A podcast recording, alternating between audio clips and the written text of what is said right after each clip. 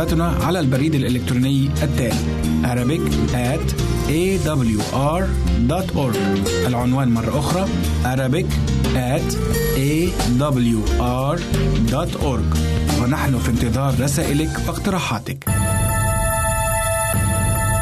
يمكنك استماع وتحميل برامجنا من موقعنا على الإنترنت www.awr.org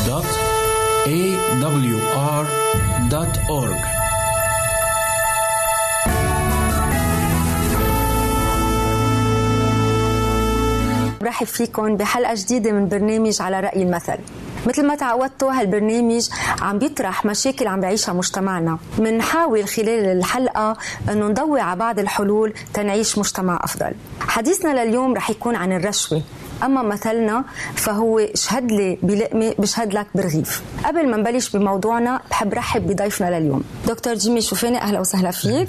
حضرتك حائز على دكتوراه في التربية كما وأنك مدير ثانوية الأدفانتست بالبوشريه بلبنان. أهلا فيك.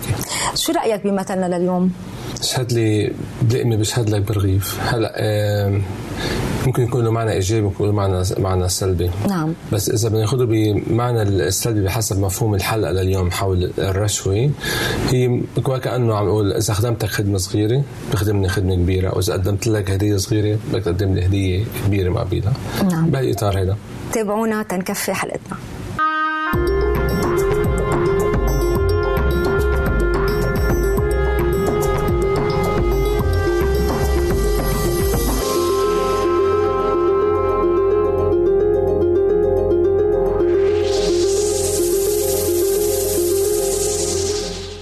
دكتور جيمي يا ريت تشرح لنا شو هي الرشوة. الرشوة بمفهومها العام هي إذا إنسان بيقدم نوع من الحافز لشخص آخر لتحقيق غاية معينة يعني قد يكون الحافز مالي قد يكون مادي وقد يكون بحسب الموقع اللي عم نشتغل فيه هي حافز معين لتسهيل لتحقيق غاية محددة. وين موجودة هالرشوة؟ يعني إجمالا إذا فينا نقول. الرشاوي موجودة بكل بكل حالة من مجتمعنا أنا في إرشي ابني الصغير اللي عمره خمس سنين نعم. أربع سنين بحب الشوكولا. يمكن حتى حقق غاية معينة. إذا بدي إياه يقوم من أوضته ليروح ينام يعني هاي كمان بنسميها رشوة؟ هلأ أكيد مش بمعناها السلبي المؤذي مثل مع إنه قد تكون مؤذي إذا بنعود بلادنا على الموضوع هيدا بيكبروا عليه. وقد تنتهي العملية بشي معاملة بشي دائرة حكومية بشي مكان معين تقديم بدل مادي معين لتحقيق مشروع معين. يعني بكل أوجه حياتنا فينا نلاقي بكل المجالات. حتى بالعلاقات داخل البيت بالعلاقات داخل الشغل بالمجتمع في رشوة. يعني عم نلاقي عم تتناول جميع الأعمار كمان. يعني هلا بدنا نحصرها بالمفهوم المالي للرشوة. نعم. الرشوة هي عبارة عن مثل ما قلنا تقديم حافز معين لتحقيق غاية يعني ممكن محددة. تكون خدمة حتى. حتى تكون خدمة نعم, نعم. نحن أخذنا بعض الآراء لبعض الناس بمقابلات. خلينا نشوف سوا هالآراء. الراشي هو الأكثر ذنب لأنه لو ما في راشي ما في مرتشي بالنهاية. طبعا ما فيني أنكر مسؤولية المرتشي كمان. هو هي بدها طرفين بكل الأحوال بس أنا بحط الراشي لأنه هو اللي بدا. ليك الاثنين. أه قبل اللي بيعطي مصر اللي بياخد. أه اللي بياخد لأنه عم مش عم بياخد حقه. هذا مش حقه. هو حقه ديجا عم ياخده بمعاشه عم ياخده بشغله. هذا مش حق. آه هذا تعدي على حقه. واللي عم يعطي عم بشجعه بيكون من ناحية. بس آه أنا بكون معه شوي لأنه هيدي حياتنا. يعني هيدي مضطر يعمل هيك لحتى ياخذ اللي بده إياه. مع الأسف إذا واحد كان كتير آه دغري وما بده يرشي آه بيتأخر كتير لحتى يحصل على اللي بده إياه. مع الأسف. بس نهايتهم غلطانين. ببلدنا أكيد آه، اللي بياخذ مصاري لأنه بشجع. يعني مثل ما بقولوا آه، المال السيء بعلم العالم على الحرام. يعني هو يعني إنه بدك بدك تمشيها بصير لك لا مش ظابطة. بصيرت أنت له شو بتريد؟ وقال له من منقطعها مثلا ب 50 دولار. إنه ببلدنا يعني بدنا نقول بده يزبط البلد وفي هيك عالم ما حيزبط البلد. فأكيد الحق على اللي بياخذ مصاري. يعني الحق بصراحة على الراشي أول شيء. بعدين بصير المرتشي لأنه بتاخذ إيده على القصة. أخذت على القصة الحد من الرشوة بتكون إنه كل إنسان ياخذ حقه بمجتمعه من خلال عمله. ياخذ حقه المالي كامل ما بيقعد بحاجة لرشوة ليقدر يكفي حياته. فينا نحصر رشوة إذا الأشخاص مثلا أكثر شيء بالدوائر الرسمية اللي بيشتغلوا. هن ليش بيرتشوا؟ ليش بياخذوا رشوة؟ لأنه معاشاتهم كتير واطية. فبتخيل بس يتعلى دخلهم يتعلى المعاشات. ما بحاجة إنه يرتشوا لحتى ياخذوا مصاري زيادة. لو معاشاتهم كافيتهم ما بفتكر كانوا راحوا ورا الرشوة. فالمعاشات هي الأكبر تأثير. كيف توقف الرشوة؟ العالم يعني بدهم يتعلموا القيم الإنسانية وإنه مش كل شيء بالمصاري. يعني بالنهاية هو العالم بدهم يتلاحقوا. اللي بيقبض رشوة لازم يكون عليه عقوبة مش إنه برافو عنا بالمجتمع. برافو عليك. إيه خليك أنت شاطر. هيك بدهم يتعلموا القيم. الرشوة بعمرها ما راح توقف. لأنه الرشوة عششت بالمجتمع العربي كله. لأنه آه، كل واحد فكر بجيبته بصراحة. دكتور جيمي آه، بالنسبة يلي سمعناه شو تعليقك؟ مين المذنب أكثر هون؟ الراشي المرتشي؟ يعني حسب الآراء. شفنا إنه ناس آه، بتقول إنه الراشي هو المذنب الأول ناس بتقول إنه المرتشي هو المذنب. مزبوط وفي أشخاص قالوا علاقة تبادلية يعني. يعني هلأ كل هالنقاط بتصح. ولكن كلها بعتقد بتحمل إنه واحد يعلق عليها. من هو المذنب أكثر الراشي أو المرتشي؟ أو هالعلاقه التبادليه مين مسؤول عنها؟ وين بتبلش؟ مين برأيك؟ يعني هلأ بالحالتين فينا نفكر فيها بالحالتين. نعم. إذا أنا آه، كإنسان موظف عم بقوم بوظيفتي بشكل آه، عادي. نعم. بيجي حدا مثلا بيقدم معاملة معينة بهالمعاملة بيكون في مبلغ من المال.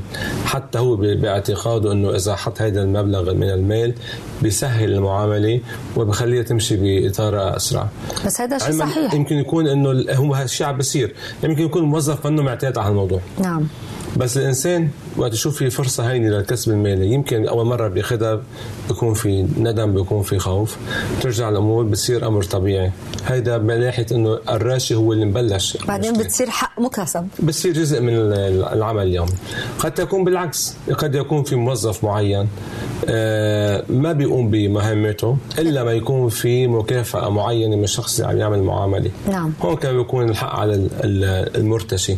فيعني ما بعتقد فينا نحصرها إنه وين نبلش المشكلة؟ نعم. ولكن في انه في مشكلة بالمجتمعات اللي هي آه، الإنسان بيحاول يستفيد من هالفكره حتى يحقق غاية معينة. هل فينا نحصرها بس كأنها مشكلة الرشوه أو نقدر نعتبرها جريمة؟ يعني في وين خطورتها يعني؟ هي حالة مرضية يمكن. نعم. هي حالة مرضية اما تكون جريمة اما تكون مشكلة لأنه الإنسان إذا إنسان طميع اللي عم يرتشي نعم. بحس إنه هو لازم يحقق المكسب المالي لو شو ما صار لو خالف القانون لو آه، أذى الأشخاص اللي عم يشتغل معهم. بالنسبة له هذا هو حق بده ياخذه لو شو ما كان صار. نعم. هلا بالنسبة للشخص اللي عم يرشي يمكن ما تكون نفس الدوافع للشخص اللي عم يرتشي. نعم. يمكن انسان بحاجة بحس إنه هو بحاجة إنه يدفع المبلغ ليخلص معاملته لأنه هذا النظام مثل ما قلت أنت صاير جزء من مجتمعاتنا عايشه على على المشكلة يعني. يعني بنقدر بس نعتبرها مشكلة يعني ما بنقدر نعظمها لا تعتبر. لا هي مخالفة للقانون لأنه نعم. القانون واضح إنه الموظف مش لازم يرتشي المفروض الموظف يكون عم بيكتفي بالمعاش تبعه له ل آه ليقوم بمهمته ونرجع للنقطة اللي حتى حكيها نعم. إنه يمكن بيقولوا المعاشات مش كافية والموظفين عم بحسوا حالهم بحاجة لمصاري أكثر يمكن هذه الحالة الاجتماعية إنه الغلا بتساعد يمكن. عم بتخلي الإنسان يفكر بهالطريقة.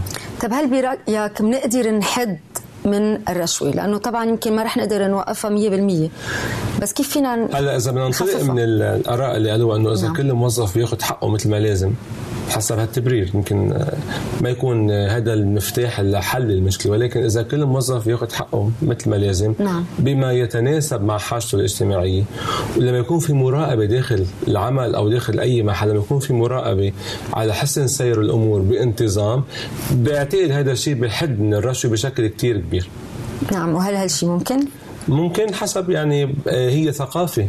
هي ما بعتقد بين إنه اليوم قررنا نوقف الرشوة بكرة توقف الرشوه هي ثقافة مجتمع بحاجة لتغيير فك عقلية نعم وفكر. لأنه إذا تناولنا الموضوع إنه المعاش ما بيأدي. لأنه كلنا بنعرف إذا المعاش كبير كمان بتكبر يمكن احتياجات الشخص وطريقة صرفه.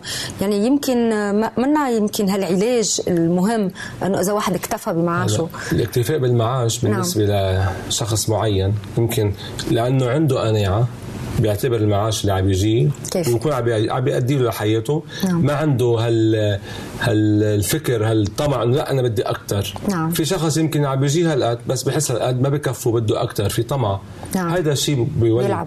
يعني الإنسان المتطلب أكثر من الواقع. هذا بيوديه ليفتش على سبل وطرق حتى يستفيد أكثر. طب حضرتك ذكرت بأول الحلقة كمان هالموضوع اللي كتير مهضوم يمكن إنه نحن يمكن بنعود الاولاد الصغار بنعطيهم شيء مقابل يعملوا شيء تاني. وهي رشوة. يعني هاي رشوة. طب هون كمان شو وين بيلعب الأهل دورهم؟ هذا نحن قلنا هي ثقافة وتربية. نعم. نحن إذا يعني عم ببلش من عنا بالبيت. أكيد إذا بنعود اولادنا إنه آه، كل أمر يمشي بنظام معين. ويتحقق الغاية منه بإطار هذا النظام الأمور بتمشي بشكل سليم. بس إذا بدي أعود ابني أو بنتي إنه إذا بنعمل هالشغلة بيطلع لنا هالشيء منقصر الفترة أو مستفيد بمحل معين تباعا بتصير عملية. ما بقى يقوموا بالمهمات المطلوب منا أو بالواجبات اللي هن لازم يتعودوا عليها إلا ما يكون في مكافأة معينة اللي هي رشوة. نعم. هل برأيك للرشوة دور مهم بمجتمعنا؟ دور مهم آه، بس مش إيجابي. مش إيجابي لأن عم تلعب دور مهم ولكن مش دور إيجابي لأنه صاير المجتمع يعني ما بدنا نكون عم نعمم ولكن بشكل عام بنية المجتمع صار مبنية على هالإطار هيدا يعني فينا من, نشمل من أدنى. موظف نعم. إلى أعلى موظف في أشخاص بيرتشوا وفي أشخاص لا يمكن ما بيرتشوا بس الأغلبية ثقافة المجتمع صايرة على الأساس هيدا يعني عم تلعب دور مهم يعني موجودة وين ما كان الرشوه أكيد طب آه، برأيك آه، موجودة أكثر بالأماكن العامة يعني آه، معاملات الدولة أو كمان بالمؤسسات الخاصة وين ما كان يعني يمكن بالقطاع العام بتبين أكثر لأنه في حركة أكثر في تواصل مع الناس أكثر ولكن بالقطاع الخاص كمان في نوع من الرشوه ولكن ما بيكون ظاهر أو ما بيكون مظهر نعم. قد القطاع العام لأنه حركته على نطاق ضيق وخاص طب شو رأيك وقت حضرتك ذكرت أنه بمجتمعنا؟ يعني هل بنقصد المجتمع العربي إجمالا؟ بنقصد المجتمع الغربي يا ترى؟ هلا يمكن تتفاوت ال. فكرة الرشوة بين مجتمع وآخر. نعم. ولكن بكل المجتمعات موجودة. حتى بال إذا بدنا نفكر شوي ب- بالإطار ال- الديني. نعم. أوقات نحن من بنفكر حالنا عم نرشي ربنا بنقول له يا ربنا أنا بدي صوم أنا بدي أعمل هالشيء حلو. حتى وكأنه عم بقول له إنه عم بعمل هالشيء بس غض الطرف عن شيء تاني أنا عم بعمل هيدا بنفكر حالنا إحنا عم نرشي إنه عم, عم نحقق غاية معينة. بس بالنسبة لربنا الأمر واضح. يا بنقوم بواجباتنا بشكل صحيح أو ما بنقوم فيها. يعني صارت نوع من العادة والتقاليد يلي طريقه إياها طريقة نمط حياة طريقة تفكير. طب كيف فينا نطلع منه؟ كيف نطلع من مثل هالطريقة؟ أي مشكلة بالعالم بالمجتمع تحتاج إلى وقت وتحتاج إلى ثقافة وتحتاج إلى توعية بالمدارس بالبيت آه على على وسائل الإعلام. كله هذا بيلعب دور بتثقيف الناس بطريقة صحيحة. والمساءلة والمحاسبة إذا في مساءلة ومحاسبة نعم. إذا موظف معروف إنه عم يرتشي ويكون في محاسبة له بصير الاخرين يفكروا مرتين وثلاثة قبل يقوموا بهالعملية هاي. نعم. بدنا نتوقف للحظات. تابعونا بعد فاصل قصير.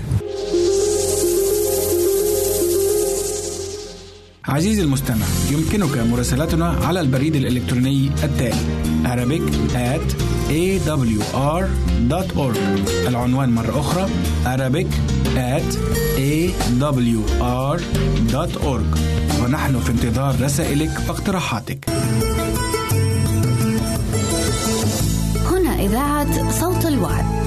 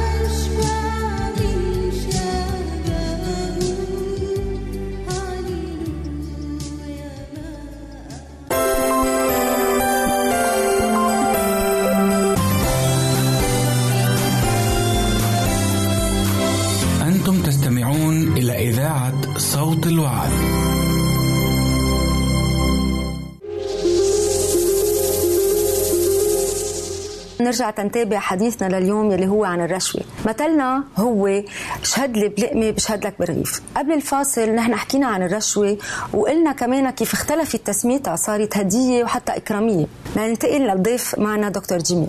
دكتور جيمي قبل الفاصل حضرتك ذكرت لنا أسباب للرشوة كتير مهمة وصرنا ما بقى مسميها رشوة حتى هدية يمكن رح تصير حق مكتسب. حضرتك ذكرت آه، ظرف كتير مهم وهي الظروف الاقتصادية.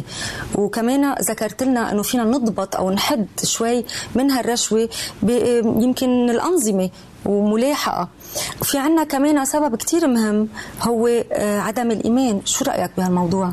أكيد هلأ الإنسان المؤمن آه، أكيد بيفكر يمكن كثير أو حتى ما بيفكر إنه يأخذ رشوة لأنه نعم. كتاب مقدس واضح مثلا إذا بعطيكي مثل من خروج 23 نعم. إذا نحن كمؤمنين كيف كيف ننظر إلى أمر الرشوة اللي هو بنعتبره أمر خاطئ جدا لا تأخذ رشوة فالرشوة تعمي أبصار القضاة وتكذب أقوال الصادقين. يعني الأمر واضح هون مش لازم ناخذ رشوة, رشوة.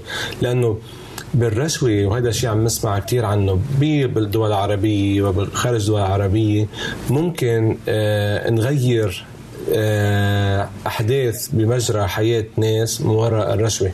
نعم. وقد يقع اللوم على أشخاص أبرياء كمان من وراء الرشوة بيكون حدا مذنب عنده سلطة عنده قدرة عنده اتصال مع مراكز بالمجتمع عالية يستفيد من هذا النفوذ حتى يمكن يبرأ من آه مشكلة معينة أو من جريمة معينة ويقع اللوم على أفراد أبرياء نعم. فبالنسبة لنا كمؤمنين نحن آه وهذا الله واضح بهالموضوع أنه يجب أن يكون كلامنا نعم نعم أو لا لا, لا. ما في مجال للنص. ما في مش معقول النعم تصير لا ولا تصير نعم لازم يكون عندنا أمر واضح بهالتفكير هذا نعم. يعني الكتاب هون كتير واضح. يعني الشخص المؤمن لا يقبل ولا يتعاطى الرشوة مش لازم في أعطيكي مثل إذا بتحب من الكتاب المقدس نعم. بأعمال نعم. الرسل للأشخاص اللي بيحبوا يتابعوا الفكرة موجودة بأعمال الرسل الإصحاح آه، الثامن ومن عدد 14 وما يليه نحن بنعرف بهذيك الفترة بأعمال الرسل كانوا التلاميذ المسيح انطلقوا عم ببشروا برسالة برسالة المسيح نعم بتقلنا هون آه إنه بعدد 14 ولما سمع الرسل الذين في أورشليم إن السامرة قد قبلت كلمة الله أرسل إليهم بطرس ويوحنا. هونيك إنه عم ببشروا بطرس آه، ويوحنا. آه، كان في شخص اسمه سيمون. وهذا سيمون كان إنسان آه، ساحر يؤمن بالأرواح. لما شاف إنه بوضع الأيدي بيقول هون حينئذ وضعا الأيادي عليهم فقبلوا الروح القدس. لما شاف إنه بوضع الأيدي الروح القدس عم بحل على المؤمنين افتكر إنه هالأمر هين إنه فقط عملية وضع أيدي وبصير في عنده قوة بصير في عنده سلطة آه، خارج يعني فائق الطبيعة. نعم. مش بيقول هون؟ ولما رأى سيمون إنه بوضع أيدي الرسل يعطي يعطى الروح القدس قدم لهما شو دراهم. قائلا أعطياني أنا أيضا هذا السلطان حتى أي من وضعت عليه يدي يقبل الروح القدس. هون شو عم بيقول لهم؟ خذوا مصاري, مصاري. خذوا دراهم وأعطوني هالسلطان. حتى أنا كمان لما أحط إيدي على حدا ياخذ الروح القدس. عم بحاول يشتري الإيمان والقدرة الإلهية من خلال الدراهم. هذا أحد الأمثلة الموجوده في الكتاب المقدس. يعني حتى من من زمان يعني موجودة الرشوة. مش إنه شيء جديد وخلقت بعصرنا. قائمه من من تاريخ كثير قديم. يعني نعم. آه، إذا بدك بنرجع للعهد القديم وبنقرا قصة بتكوين 25 قصة يعقوب وعيسو. نحن بنعرف إنه يعقوب وعيسو كانوا آه، إخوة. نعم.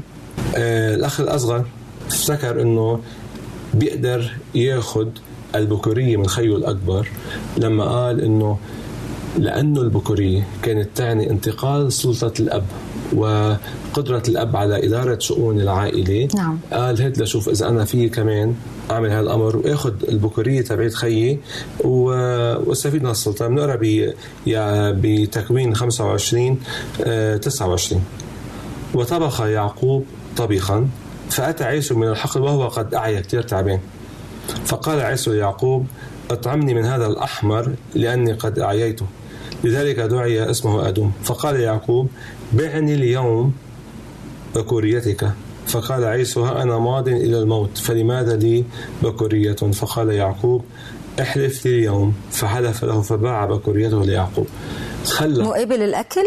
أكلة عدس يمكن. أه تخلى عن البكورية اللي هي أه سلطة العائلة تنتقل من أب إلى أبنائه بمجرد أه لأنه كان تعبان. هلا هون في غلط من الطرفين. في شخص عم أنا ماضي إلى الموت فلماذا لي بكوريه يعني أنا شو بدي فيها؟ أنا رح نعم. يعني حتى هو ما كان مدرك أهمية هذا الامر فاستخف فيه وقدمه لخيه مقابل أكلة آه، طبخة عدس. نعم. وكيف غلطان هون الأخ الأصغر؟ استغل. استغل تعب خيه استغل جوع خيه وقدم له أكل لأنه كان في مخطط من قبل آه إنه أنا بدي أستفيد من هالفرصة حتى آخذ سلطة البكورية نعم. طب مثل ما حضرتك ذكرت وهلا ذكرنا إنه عم نسمي الرشوة صرنا هدية يمكن تنجملها. هل هالدية هل إذا كانت هدية بتكون أكثر مقبولة بمجتمعنا؟ يمكن إحنا عم نعطيها صفة الهدية بنكون عم نحاول آه نحط غطاء على المشكلة. نعم. لأنه الهدية مش هي رشوه دائما يعني أنا يمكن إذا بدي أعبر عن مشاعري لزوجتي مثلا نعم أه بقدم لها وردة أو بقدم لها هدية معينة هي بتحب تكون عندها هون ما في رشوة هيدا تعبير عن نعم. المشاعر يعني عم نشوه كلمة هدية هون إيه. صرنا بينما نعم. أنا إذا بدي أجي أنا آه، أقدم هدية لموظف معين نعم. لحالة هذا الموظف يغض الطرف عن مستند ناقص من المعاملة عن مخالفة معينة بالمعاملة نعم. هاي بطلت هدية هذه صارت نوع من وسيلة لتحقيق غاية معينة خارج إطار الأنو. نعم. بالأسباب يلي ذكرناها بعد في سبب كتير مهم وهو انعدام الضمائر. شو رأيك بهالموضوع؟ أكيد. هلأ آه، الضمير يلعب دور أساسي في آه، توجيه تصرف الإنسان، لما نحكي عن الضمير كمان بدنا نكون واضحين، يعني ما في شيء اسمه ضمير بالمطلق، يعني آه، إنه صاحب ضمير. هذا بده يكون نتيجة لتربية معينة نتيجة نعم. لفكر معين نتيجة لإيمان معين نعم. الضمير ما فينا نجي نزرع بشخص ضمير إذا ما كان من هو صغير هالإنسان عم بيتربى على هالأسس الحقيقية الصالحة واللي هي بتوجه تصرفاته بالمجتمع نعم هون بيجي الإنسان؟ أنا بقول أنا إنه أنا عندي ضمير أنا ما عندي ضمير. شو هو الضمير؟ هل هو فقط إنه أنا بقول هالشيء صح وهالشيء مش صح؟ بس شو الخلفية اللي عم تحكم هالقرارات في حياتي نعم. هلأ انعدام الضمائر في انعدام الإيمان كمان لأنه الإنسان الغير مؤمن بطريقه صحيحه يستسهل استغلال ظروف الناس بطريقة معينة. إذا أنا يعني موجود بموقع سلطة نعم. وعارف إنه أنا بسلطتي بقدر أتحكم بمصير أشخاص معينين وما بحقق لهم غايتهم المحقة إلا ما أستفيد من وراهم هون بكون أنا عم بتصرف بطريقة خاطئة. طب إذا ما نرجع لمثلنا لليوم هل قصة علاقة اللقمة والرغيف يعني بنلاقي هون يمكن أساس الرشوة هي للناس تقدر تاكل؟ شو رأيك؟ يعني ما بيبرر إحنا أول شيء بأول حلقه انطلقنا إنه الناس لأنه لحاجة مالية معينة لضائقه مالية معينة ضائقه اجتماعية معينة يستغلوا الظرف حتى يستفيدوا. نعم. أنا برأيي إنه يمكن واحد بيجي بيقول okay إذا أنا إنسان آه، بالكاد عم بقدر أكفي عائلتي أو حتى ما عم بكفي حاجاتي كرب بيت كيف بدي ادبر حالي؟ بحق لي بحق لي. هون الناس تستسهل هذا الأمر بتقول طالما أنا في عندي هالفرصة لاكسب مال أكثر. خليني أستفيد من وضعي. في أشخاص بيقولوا لا أنا ما بعمل هيك أنا بفضل أشتغل أعمل وظيفة ثانية أمن حاجاتي على إنه ساهم هالعملية السيئة ونام بالليل ضميري مرتاح إيه؟ بسمعها كثير صح طب حضرتك بخبرتك الطويلة بالتربية كيف برأيك يمكن لهالمجتمع إنه يتوقف عن قبول الرشوه وعن إعطاء الرشوه مثل ما حضرتك ذكرت صح. قصة وعي وتوعية بس كيف فينا نطبقها بحياتنا اليومية يعني تحدي مش هين نعم. لأنه نحن بالبيت أو بالمدرسة نحن عم نحاول نقدم مثل للتلاميذ نعم. وهالمثل هيدي هالأفكار هيدي قد لا تتطابق 100% مع المجتمع الموجودين فيه يعني أنا إذا بدي أعلم ابني ما يكب برا على الأرض نعم. ويطلع على المجتمع لبرا ويشوف إنه هالأمر أمر طبيعي بده يصير في صراع بينه وبين حاله طبعا إذا تلميذ مدرسي بعد فترة معينة بده يروح مع بيو يمكن إذا هو ما بيعمل معاملة معينة. بشوف بيو عم بحط مبلغ من المال بين الوراق ليقدم معاملة. بيقول له بيو هذا هذا الأمر مش لازم هذا الأمر غلط عم بيشجع على آه تصرف خاطئ. بيو شو بده يقول له؟ بده يقول له إذا أنا ما حطيت هالمبلغ ما رح تمشي المعامله ما رح تمشي. هون بنخلق صراع نحن للتلاميذ. قديش قادرين هن لأولادنا وتلاميذنا يوقفوا بوجه هالأمر؟ ويحاولوا يحدثوا عملية تغيير بالمجتمع. نعم. هون بنكون نجحنا كمؤسسات تربوية كمؤسسات عائلية. ولكن أنا برأيي مش هون ببلش الحل. هذا جزء من الحل. نعم. يجب أن يكون في آه، دور لعدة آه، فعاليات بالمجتمع. نعم. دور المدرسة دور البيت دور السلطة دور القانون دور المراقبة المحاسبة. هذا كله بيكمل بعضه. يعني كلهم لازم يشتغلوا سوا يمكن إيد واحدة أكيد بده يكون في بده يكون في تكامل بالمتابعة. يعني أنا إذا بدرب اولادي على عدم دفع الرشوة بس وصلوا لمحل يا بتمشي المعاملة مع رشوة أو ما بتمشي هون شو هيدا الصراع؟ مين بده يساعدهم فيه؟ بدي أقول بينه وبين حاله أنا بدي هالمعاملة تمشي. أو تعلمت غلط. أو إيه اللي علموني بمدرسة نظريات ما بتنفع بالتطبيق. طب بس فكرة أخيرة يعني هل قصة الولد اللي عم بيكب الورقة يعني هون إذا بنرشيه ما تكب الورقة بعطيك شوكولا رشوة إيجابية.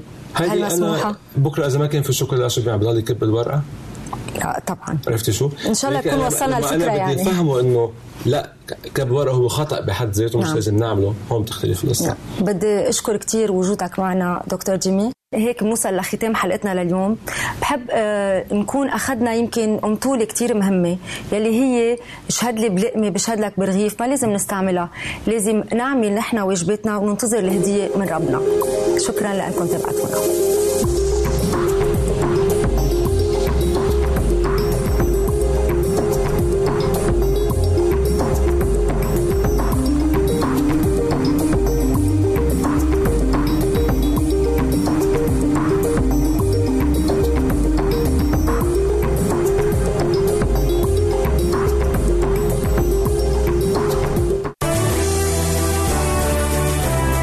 تستمع إلى إذاعة صوت الوعد.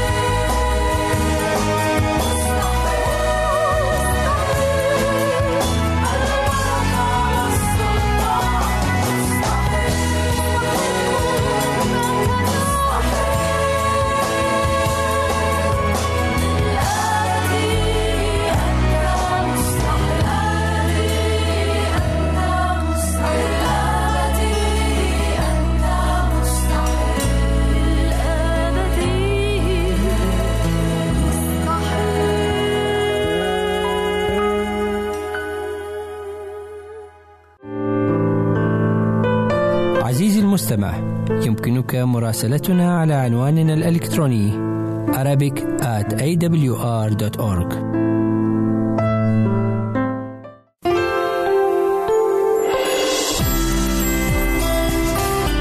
هنا إذاعة صوت الوعد.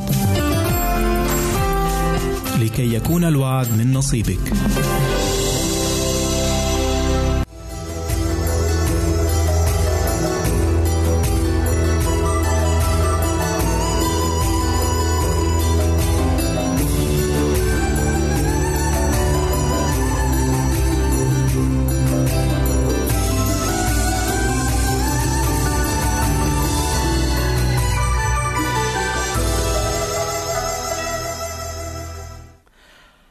أرحب بك في يوم جديد من مكتب الراعي. تعال معنا اليوم تعال نقعد عند أقدام راعينا الكريم شخص الرب يسوع لكل المجد. تعال للي قال تعلموا مني لأني وديع متواضع القلب فتجدوا راحة لنفوسكم. تعال نقعد مع بعض قعدة حب مع إلهنا وحبيبنا شخص الرب يسوع من مكتب الراعي. صديقي تحدثنا معا في الحلقات الماضية عن ثمار الحياة الجديدة. لما نتكلم عن الحياة الجديدة بنتكلم على أروع وأعظم اختبار في الحياة. علشان كده لو كنت اختبرت الرب يسوع مخلص أنا بهنيك من كل قلبي. لو كنت لسه ما اختبرتش الرب يسوع مخلص ومحتاج تاخد هذه الخطوة قول له دلوقتي يا رب يسوع ارحمني يا رب ادخل إلى قلبي أسكن في حياتي. يا رب أنا أثق ان موتك على الصليب كان موت لأجلي أنا حملت خطاياي وحملت آثامي. يا رب تعالى النهارده أنا بتوب وأرجع عن خطاياي. تعالى يا رب علشان أقدر أتمتع بحضورك الدائم في حياتي وأدرك إنك أنت الرب والمخلص والفادي. ليا. النهارده الرب بيقول لك أنا عايز أحل المشاكل اللي في حياتك بصورة جذرية عندما تقترب مني اقتراب. صحيح. عشان كده الروح القدس علمنا إن إحنا نقترب إلى الله بالتسبيح. يعني إيه تسبيح يا أحبة؟ التسبيح إن أنا أرى الله عظائم الله مجد الله سلطان الله قوة الله أمانة الله محبة الله الغير محدودة. الله الحبيب العظيم المبارك اللي هو ليا اللي في السماء اللي هو فوق الجميع اللي ليه سلطان على كل الكون الحامل كل الأشياء بكلمة قدرته لو أنا عشت حياة تسبيح أدرك من هو ليا. أدرك إزاي أقدر أنتصر في حياتي والحرب الروحية اللي أنا بواجهها. أحبائي لو عرفت مين ليا لو عرفت مين ورايا لو عرفت مين بيحملني مين شايلني اللي شايلني بالأذرع الأبدية يسوع المسيح ابن الله هو ده السند ليا. رسول بولس كان بيسبح جوه السجن ما كانش بيطلب من الرب حاجة. ما كانش بيقول له اديني أنا مظلوم أنا أنا. لكن كان مليان بالفرح والتسبيح هو يرى عظمة الله. عشان كده أحبائي القيود انفكت والأبواب بتاعت السجن انفتحت. أحبائي نفس الكلام اللي إحنا شفناه و و والشعب بيمر حوالين أسوار أورشليم. كل اللي بيعمله الشعب إنه بيسبح. ما كانش بيقول للرب عايزين ندخل وعايزين نعمل وعايزين نسوي وابتدى يبصوا للمشكلة أحبائي كل مرة بنيجي لله وقبل ما نسبحه قبل ما نعظمه قبل ما نشوف جلاله ومجده وبنطرح مشاكلنا بنحس إن إحنا محبطين وإن إحنا تعبانين وقدامنا جبال وقدامنا تلال كبير عايزين نعديها. تعال النهارده سبح الرب يسوع. وقول له يا رب ما أروعك ما أعظمك ما أمجد اسمك ما أمجد اسمك في كل الأرض. النهاردة أحبائي نفسي ناخد خطوة جديدة فكر جديد في مفهوم الاقتراب إلى الله. اتكلمنا عن الاقتراب من خلال حياة الصلاة. تعال نشوف الترتيب الجميل في الصلاة الرائعة الروحية اللي حطها لينا الكتاب المقدس وإحنا بنقرب من ربنا. الأول نقترب بالتسبيح تعظيم الله تمجيد الله بعد كده نقترب بالدعاء. عشان كده رسول بولس قال لا تهتموا بالشيء بل في كل شيء بالصلاة والدعاء. هو الدعاء. الدعاء هو الطلب. الدعاء إن أنا بطرح للرب شكواي بقول له بكلمه. ببتدي بيني وبين الله لأني شفت عظمة الله شفت مقدرة الله شفت سلطان الله اللي دفع ليه كل سلطان. ما دام لقيت الإله اللي دفع ليه كل سلطان بيبقى ليا جسارة أحبائي إن أنا مد إيدي علشان أسأل منه آخد منه. أحبائي مرات كتير قوي بنمد إيدينا لناس فقراء أو ناس ما عندهمش إمكانيات وعلى قدر غنى الإنسان على قدر عظمة عطائه. فكان بالأولى نقترب من إلهنا وحبيبنا من شخص الرب يسوع المسيح الإله القدير اللي قال عنه الكتاب افتقر وهو الغني لكي نغتني نحن بفقره. هل تعلم صديقي إنه بفقر المسيح لك غنى شديد؟ فكان بالأولى بغناه؟ اللي قال عنه الكتاب غنى المسيح الذي لا يستقصى. تعال النهارده واطلب منه. أنا عايز أقول لك حاجة جميلة قوي.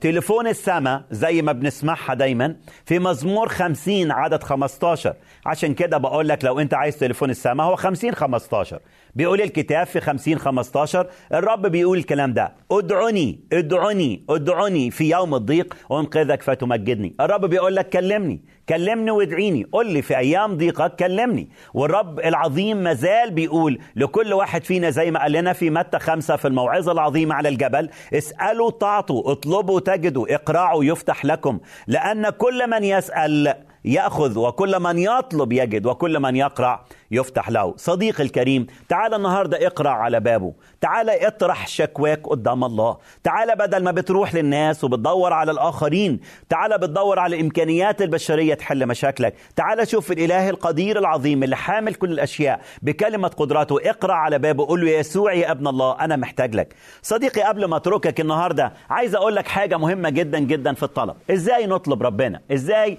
نرفع عينينا لله ونطلب منه؟ عايز أقول لك بعض الحقائق يمكن حد قدام الشاشة دلوقتي بيشوفنا. آه، واحدة بتشوفنا حد بيمر بظروف صعبة وهو بيكلم ربنا. أنا عايز أقول لك وإحنا بن... بن... بنقرب من ربنا بيتم ثلاث حاجات مهمة جدا جدا وعايزك تتشجع بيها. أول حاجة اطلب من الله بجسارة. ادعيه بجسارة. تعرف ليه بتدعيه بجسارة؟ لأنه أبوك. أحبائي مفيش واحد محتاج تصريح علشان يدخل يكلم باباه يمكن ألقى ألقى صعب عليا أدخل أقابل آه، الرئيس بتاعي في الشغل أو صعب عليا أدخل أقابل الأستاذ بتاعي في الجامعة أو صعب عليا يمكن أكلم شخص آه، ذو مركز معين في ولاية من الولايات أو أو في آه، أي مكان عايز أقدر أخد منه شيء معين أنا محتاجه. لكن من السهولة أحبائي ندخل للآب. أدخل الآب بكل جسارة. أدخل الآب واقترب منه انت وانت عندك يقين ان ده أبوك. اسمع الكلام الجميل اللي قاله الكتاب عن شخص الرب يسوع لما ندخل إليه. نتقدم بهذا المستوى لأنه أبونا لأنه أبونا لأنه أبونا. أحبائي الرب يسوع بيقول مهما سألتم مهما سألتم أي شيء تسألوه باسمي فذاك افعله تخلينا أقرأ معاك الكلمات الجميلة دي الموجودة في إنجيل يوحنا أصحاح 14 الرب يسوع بيقول الكلام الحلو ده. بيقول إيه؟ في الأعداد 13 و14 الرب يسوع بيقول ومهما سألتم باسمي فذاك أفعله ليتمجد الآب بالابن. إن سألتم شيئا باسمي فإني أفعله. ادخل على هذا المستوى. ادخل باسم الرب يسوع إلى الآب. قول له يا بابا أنا محتاج لك. وبنشكر الرب لأنه أحبائي الرب يسوع فتح قدامنا الطريق الكامل والمشوار الكامل لعلاقتنا معاه. يقول لنتقدم بثقة إلى عرش النعمة. ادخل بجسارة ادخل بإيمان. ادخل بجسارة وثقة قول له يا رب أنا داخل لإنك أبويا أنا داخل بإيمان لإنك أنت اللي قلت. أنت اللي قلت مهما سألتم باسمي. مهما سألتم باسمي. الرب يقول لك النهارده تجاسر وامشي بجراءة واطلب من الرب باسمه. عايز أقول لك حاجة ثالثه مش بس بدخل بجسارة وثقة لكن اطلب من الرب حسب مشيئته. احبائي يمكن واحد شايفنا دلوقتي واحدة قاعدة قدام التلفزيون وتقول لي أنا سألت ربنا. أنا قلت لربنا على حاجات كتيرة جدا وربنا ما سمعنيش. يمكن أنا كلمت ربنا في موضوع معين يتعلق بابني أو بنتي أو زوجي أو زوجتي.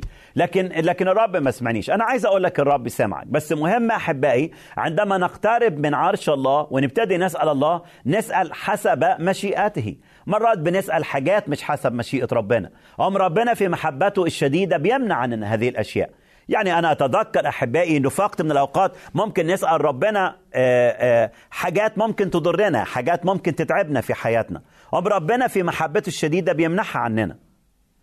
مرات إحنا مش بنفهم في الوقت الحالي لكن الرب يقول لبطرس في حنا 13 لست تعلم الآن ما أنا أصنع لكن ستفهم فيما بعد. أحبائي فيما بعد هنفهم ربنا. علشان كده أحبائي مهم قوي قوي نطلب من الله حسب مشيئته اسمع الكلام الجميل اللي قاله الرسول يعقوب في يعقوب أربعة عدد ثلاثة. هو بيتكلم عن إزاي نطلب من ربنا. اسمع الكلام الحلو ده. بيقول إيه؟ تطلبون ولستم تأخذون لأنكم تطلبون رديا لكي تنفقوا في لذاتكم. مرات بنطلب من ربنا وما بناخدش. ليه ما بناخدش؟ لأننا مش بنطلب حسب مشيئته. علشان كده مهم قوي قوي في علاقتنا بالله نطلب حسب مشيئة الرب يسوع لكل المجد. صديقي المشاهد الكريم عايز أقول لك آه النهاردة تقترب بجسارة وأدعى الله. اقترب بجسارة وكلمه. قول له يا رب أنا أنا آه شايف عظمتك أنا شايف جلالك أنا شايف سلطانك. عشان كده أنا خدت جراءة إن أنا أقرب. وإني خدت جراء إن أنا أسألك وخدت جراء إن أنا أقول لك يا رب أنا محتاج لك. هو أبوك. ادخل لأبوك وقول له يا بابا أنا محتاج لك. ادخل بثقة كلمات الرب يسوع لأنه وعد أنه مهما سألنا من من من من, اسمه على أساس اسم الرب يسوع مهما سألنا من الآب على مستوى هذا الاسم الرائع اسم الرب يسوع فذاك يفعله. قول له يا رب أنا النهارده أنا جاي لك يا رب أنا جاي ومحتاج فعلا إنك أنت تديني هذا الاختبار الجديد وهذه ال- ال- الثقة واليقين اللي آه، أنا كنت محتاج فعلا أتعلمها وأنا ما اتعلمتش الكلام ده غير ما يوم يوم ما قابلتك وتعرفت بيك وخدتك سيد على حياتي وفادي على حياتي. احبائي أنا عايز أشجعك النهارده تصلي معايا كلمات قليلة. قول له يا رب يسوع أنا أنا قدامي مشاكل كتيرة في حياتي قدامي ظروف صعبة كتيرة في حياتي. يا رب أنا عايز أطلبك النهاردة على هذا المستوى الرائع الثقة إنك أنت أبويا لأن كل الذين قبلوا الرب يسوع بالإيمان صاروا أولاد الله. أنت أبويا. يا رب أنا بقترب لأنك فتحت قدام العرش. وأنا بقترب إلى هذا العرش عرش الله. قبل ما أقترب إلى عرش البشر أنا بقترب إلى عرشك. يا رب النهاردة افتح عيني علشان أقترب بجراءة أقترب بثقة أقترب وأطلب حسب مشيئتك. صديقي أكلمك في الحلقة اللي جاية إن شاء الله إيه الحاجات اللي إحنا لازم نتعلمها وإحنا بنقترب من ربنا ونطلب؟ يمكن الله في حاجات معينة بيحاول يهدي فيها المشوار معاك أو يستعجل المشوار معاك. أنا عايز النهارده أشجعك نقترب من من من من عرش الله وإحنا بنفهم فكر ربنا وعلاقته بينا. أنا هشوفك إن شاء الله الحلقة الجاية. الرب يبارك حياتك من مكتب الراعي في الحلقة الجاية إن شاء الله والرب معك. طب ليه ربنا ما بيسمعنيش؟ ليه ربنا مش موجود معايا؟ ليه ربنا مش حاسس بيا؟ ممكن الله يسمعنا في الحال لكن ممكن الله يتأنى. وأنا عايز اقولك النهارده بلاش اليأس يدب إلى نفسك. الله بيتمهل علينا لأنه عايز يعلمنا حاجات معينة. الله عايز يدرب نفوسنا على أشياء معينة أحبائي. الله عايز يشوف نفسنا طويل قد إيه عضلاتنا الروحية تقدر تصمد قد إيه. لكن للأسف يا أحبائي مرات كتير قوي بنقول لربنا ادينا ناخد منه ونجري. عايزين خيره ومش عايزينه هو عايزين بركته مش عايزين المبارك.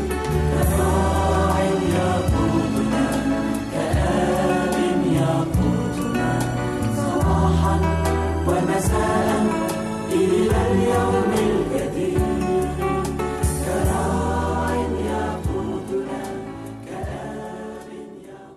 عزيزي المستمع يمكنك مراسلتنا على البريد الإلكتروني التالي Arabic at awr.org العنوان مرة أخرى Arabic at awr.org ونحن في انتظار رسائلك واقتراحاتك.